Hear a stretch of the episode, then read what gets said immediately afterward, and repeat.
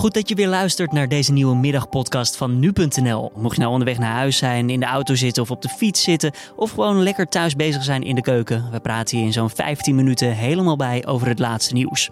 Gisteren lieten zeven teams uit de Formule 1 weten niet blij te zijn met een deal tussen de FIA en Ferrari. De FIA, dat is de internationale organisatie die ervoor zorgt dat de regels in de motorsport worden nageleefd, heeft vandaag gereageerd. Nou, ze hebben in eerste plaats gezegd dat ze die schikking, dat dat wat hun betreft rechtsgeldig is. Dat het gewoon een middel is wat ze mogen gebruiken. Uh, dat is één. Uh, ten tweede hebben ze gezegd, ja, uh, wij hadden ook onze twijfels over de Ferrari motor. De FIA had dus ook twijfels. Hoe zit dat en wat is er nou aan de hand? Straks meer daarover met Formule 1-expert Joost Nederpelt. Eerst het belangrijkste nieuws van nu. Mijn naam is Julian Dom en het is vandaag donderdag 5 maart. En dit is de Dit Wordt Het Nieuws middagpodcast. Het aantal geïnfecteerden met het coronavirus in Nederland is opgelopen naar 82. Dat zegt minister Bruno Bruins van Volksgezondheid donderdag. Volgens Bruins gaat het om een inhaalslag omdat mensen bewuster zijn van het ziektebeeld en zich alsnog bij zorgverleners hebben gemeld. De bewindsman zegt dat het gaat om een stevige stijging waar wel rekening mee is gehouden. 900 leden van het Groningse studentenkorps Vindicat, die momenteel in Noord-Italië aan het skiën zijn, keren vrijdag op eigen initiatief terug naar Nederland. Tijdens hun skireis werd het reisadvies in Noord-Italië vanwege het coronavirus aangescherpt. Het studentenkorps zegt dagelijks goed contact te hebben gehouden met de GGD, het RIVM en de Groningse burgemeester Koen Schuiling. Volgens de studenten hebben ze geen advies gekregen om terug te keren, maar is dat in eigen besluit geweest.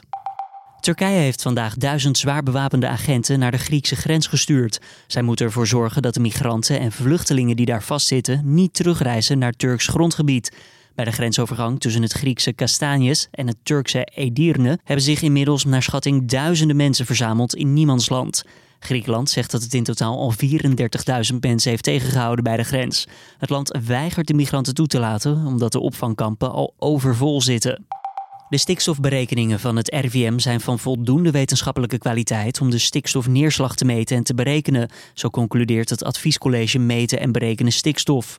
De meet- en rekenmodellen die worden gebruikt zijn volgens het adviescollege van voldoende tot goede kwaliteit. Ook vergeleken met buitenlandse meet- en rekenmethoden voldoet de Nederlandse aanpak omdat er vanuit de landbouwsector en de politiek, de VVD, CDA en SGP, twijfels waren over de meetmethode, heeft minister Corolla Schouten van Landbouw daar op verzoek van deze partijen onderzoek naar laten doen. Dan ons gesprek van deze middag, onrust binnen de Formule 1. Zoals gezegd heeft de FIA vandaag meer verteld over de schikking die ze hebben getroffen met Ferrari. Dat naar aanleiding van mogelijk gesjoemel. Formule 1-expert Joost Nederpelt is inmiddels aangeschoven in de Nu.nl studio. Joost, wat is hier nou aan de hand? Dan moeten we even terug naar 2019, naar het uh, vorige Formule 1 seizoen. Toen uh, viel het andere Formule 1 teams op dat Ferrari heel veel tijd won op, het, uh, op de rechte stukken. Uit het niets kwam dat opeens, hè? Nou, ja, ja, ja dat is een beetje lastig te zeggen. Want dat, ik heb die precieze data niet. Maar dat kunnen ze dan zien aan de hand van de GPS-data die, uh, die, waarmee ze alle auto's kunnen volgen. Dus niet alleen die van hunzelf, maar ook die van de concurrentie. Uh, Ferrari had wel een auto die afgesteld was op rechte lijnsnelheid. Dus wat dat betreft was het niet zo verwonderlijk dat ze snel waren in de, op de rechte stukken. Maar op een gegeven moment werd het verschil wel heel groot, vonden ze. En, uh, en toen uh, zijn er heel veel twijfels geuit over de legaliteit van de Ferrari-motor. Nou, er is er een paar andere dingen uh, opgenoemd. Dat, daar kwam niet echt iets uit. Maar toen kwam de, de Amerikaanse Grand Prix in november in Austin. En daar werd in een... Uh, een directive uitgevaardigd. Dus een soort van uh, regel uh, aanscherping. Kun je door, dat een beetje zien? Door de FIA door de VIA uh, over het, uh, uh, ja, het misleiden van de brandstofcenter. En dan, okay, dan gaan we eerst even uitleggen wat de brandstofcenter is. Een Formule 1 auto mag 100 kilo brandstof per uur gebruiken. Dat zit een sensor in de, in de in de auto, in de brandstoftank zelf. En daar wordt in gemeten hoeveel er gemiddeld uh, doorheen gaat. En dat is om de teams gelijk te houden wat dat betreft. Iedereen ja. achter, uh, zit aan die limiet. Ja, en ja. hoe meer je zou doen, hoe sneller je zou kunnen. In principe wel, ja. En het is, het is alleen, niet alleen dat, maar het is ook om te zorgen dat, uh, dat de auto's gewoon wat zuiniger zijn. Dus om, om Formule 1 teams te aan te moedigen, met de motorenbouwers aan te moedigen om de motoren zuiniger te maken. Alleen, ja, in principe is het zo, tot op zekere hoogte, hoe meer brandstof je verbruikt, hoe, uh, hoe harder de motor draait. Dat is, tot op zekere hoogte is dat zo. Dus als jij uh, meer dan die 100 kilo per uur gemiddeld kan gebruiken, dan, ja, dan heb je daar een voordeel van. Volgens concurrenten was dat zo. Ehm, ze droegen daar geen bewijs voor aan. Het enige was dat uh, de, de FIA dus in, in, in Amerika die aanscherping deed. En ze hadden ook al wat andere uh, aanscherpingen gedaan. En toen, uh, vanaf dat moment, is Ferrari een stuk minder voor de dag gekomen. Maar ook weer niet heel erg veel minder. En er waren ook wel wat andere verklaringen voor. Het is een beetje schimmig. Maar goed, Max Verstappen die was echt wel een criticus ja. van de eerste rang. Ja, die zei van dat krijg je ervan als je stopt met vals spelen. Ja. Wat is er dan nu bekend geworden? Want jij was op de testdagen in Barcelona. Ja. En toen, uh, nou, volgens mij, je stond nog net niet in het vliegtuig. En toen werd er even omgeroepen, jongens, we hebben het opgelost. Maar uh, daar ja, laten we het ook bij. Vijf voor zes op de laatste testdag. Alle teambazen waren al naar huis. Uh, media waren bezig met de dag aan het opmaken, zeg maar.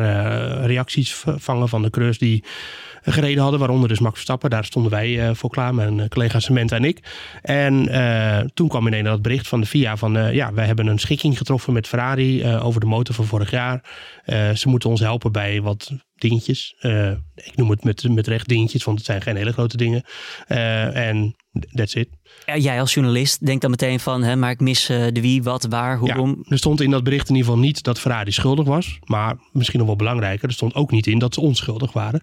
Dus dat, dat bleef een beetje in het midden. Uh, vervolgens paar dagen later, gisteren om precies te zijn, kwamen de, de, de zeven Formule 1 teams. Er zijn er in totaal tien.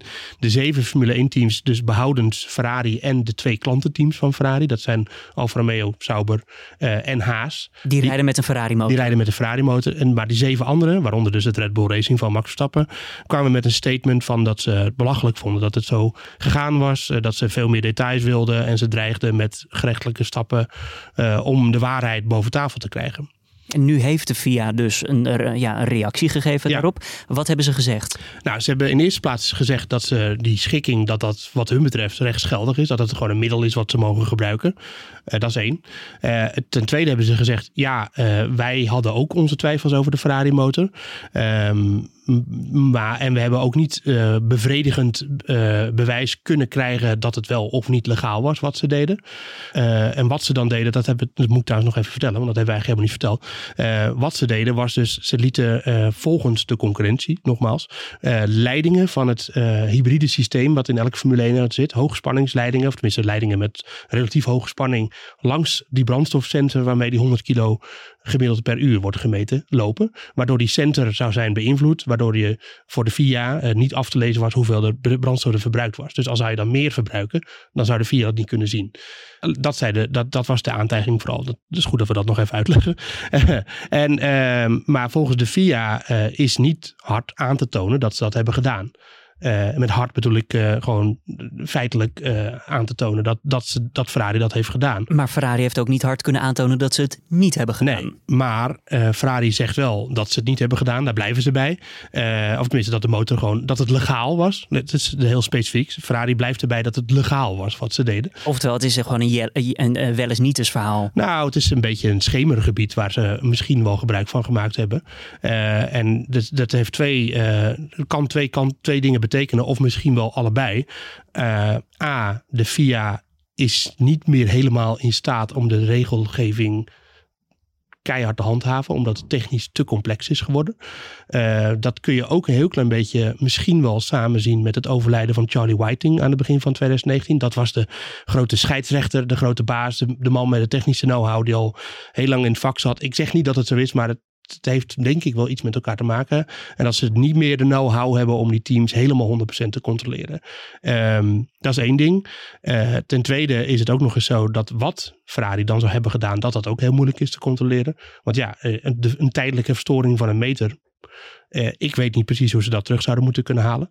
Um, dus ja, dat zijn de, de, de, de twee dingen wat betreft de techniek. En, en het zou ook nog eens kunnen dat Ferrari, als zij zeggen van nou wij hadden daar inderdaad zo'n uh, leiding lopen, als je die eenmaal weghaalt, die komt niet meer terug. Het zit, het zit niet vast in die auto of zo. Nee, dat niet. Maar daar, ze, ze hebben die leiding dus wel zien zitten. Dat wel. Want die, ze kunnen die auto bij de, de keuring helemaal uit elkaar halen. Oftewel, het is alleen maar het aantonen van dat die leiding invloed dat heeft ook op. echt deed. Ja, En, de, en dat kun je waarschijnlijk alleen zien tijdens het rijden. En de FIA heeft natuurlijk wel data van die sensor. Dus misschien eh, hebben ze wel kunnen zien van hé, hey, er zit iets niet goed in de data. Maar dan moeten ze nog weer kunnen aantonen dat dat inderdaad komt door die leiding en dat de Ferrari dat opzettelijk heeft gedaan, et cetera. Ehm, nou ja, de, de andere zeven Formule 1 teams, die willen dus dat de FIA dat tot op detail gaat uitzoeken.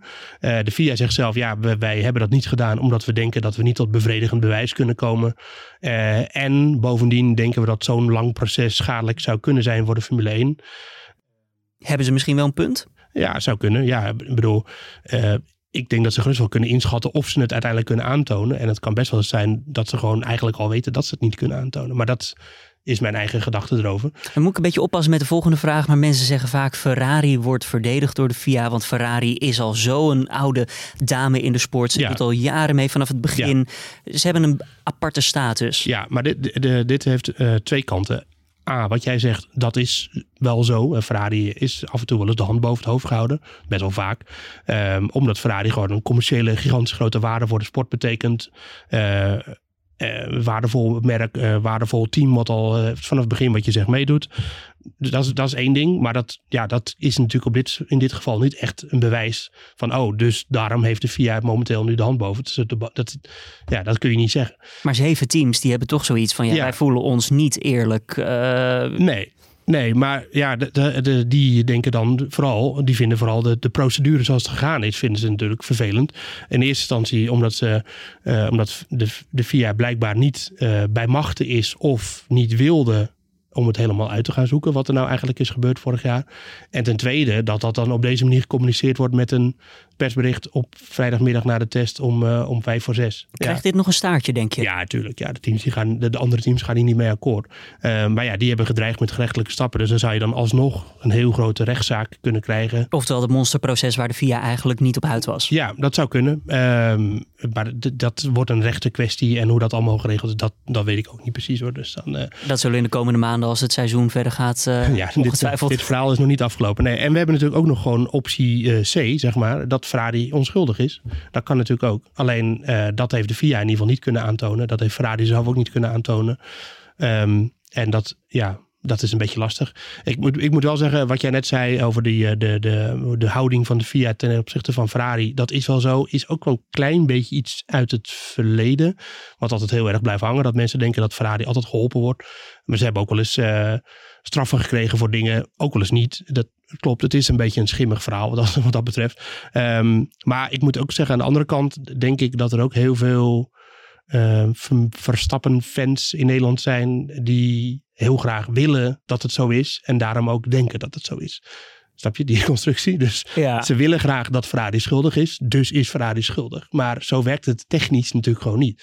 Je moet het wel kunnen aantonen dat ze iets fout hebben gedaan. En als, als dat niet kan, dan is Ferrari onschuldig. Zo werkt het gewoon in, in de rechtszaken. Joost, dankjewel in ieder geval voor deze toelichting. En uh, ja, wil je nou meer hierover weten en sowieso over de race in Australië? Luister dan zeker ook eventjes naar de Boordradio. In uh, het raceweekend zijn we weer terug. Uh, um, ja, ander kanaal, maar de link zal ik eventjes in de beschrijving van deze podcast achterlaten. Joost Nederpelt, nogmaals uh, Formule 1-expert, dankjewel. Dan gaan we meteen door naar het weer. Vanavond en vannacht is het grijs en regenachtig. Alleen in het noordwesten valt het enigszins mee met die nattigheid. Morgen verlaat de regen ons land via het oosten. In de middag knapt het dan wat op, maar het is nog wel wat bewolkt. En her en der blijft de kans op een bui. Het wordt maximaal zo'n 8 graden bij matige noordwestenwind. En dan nog even dit. Django Macroy mag Nederland met het nummer Grow vertegenwoordigen op het Eurovisie Songfestival in Rotterdam. Dat zal je niet ontgaan zijn. Tegen nu.nl vertelt de zanger over de achterliggende betekenis van het nummer en hoezeer het evenement leeft in zijn geboorteland Suriname. Ja, Grow gaat over een periode in mijn leven uh, waarin ik voor het eerst eigenlijk niet lekker in mijn vel zat en het even niet meer wist wat ik wilde, waar ik stond in het leven, waarom ik deed wat ik, uh, wat, wat ik deed. Gaat over volwassen worden, ouder worden en erachter komen dat er geen op maat gemaakte handleiding is voor het leven, geen uitgestippelde route naar geluk. Maar um, nee, en daar was ik dus boos en gefrustreerd over en ik, wist het even niet.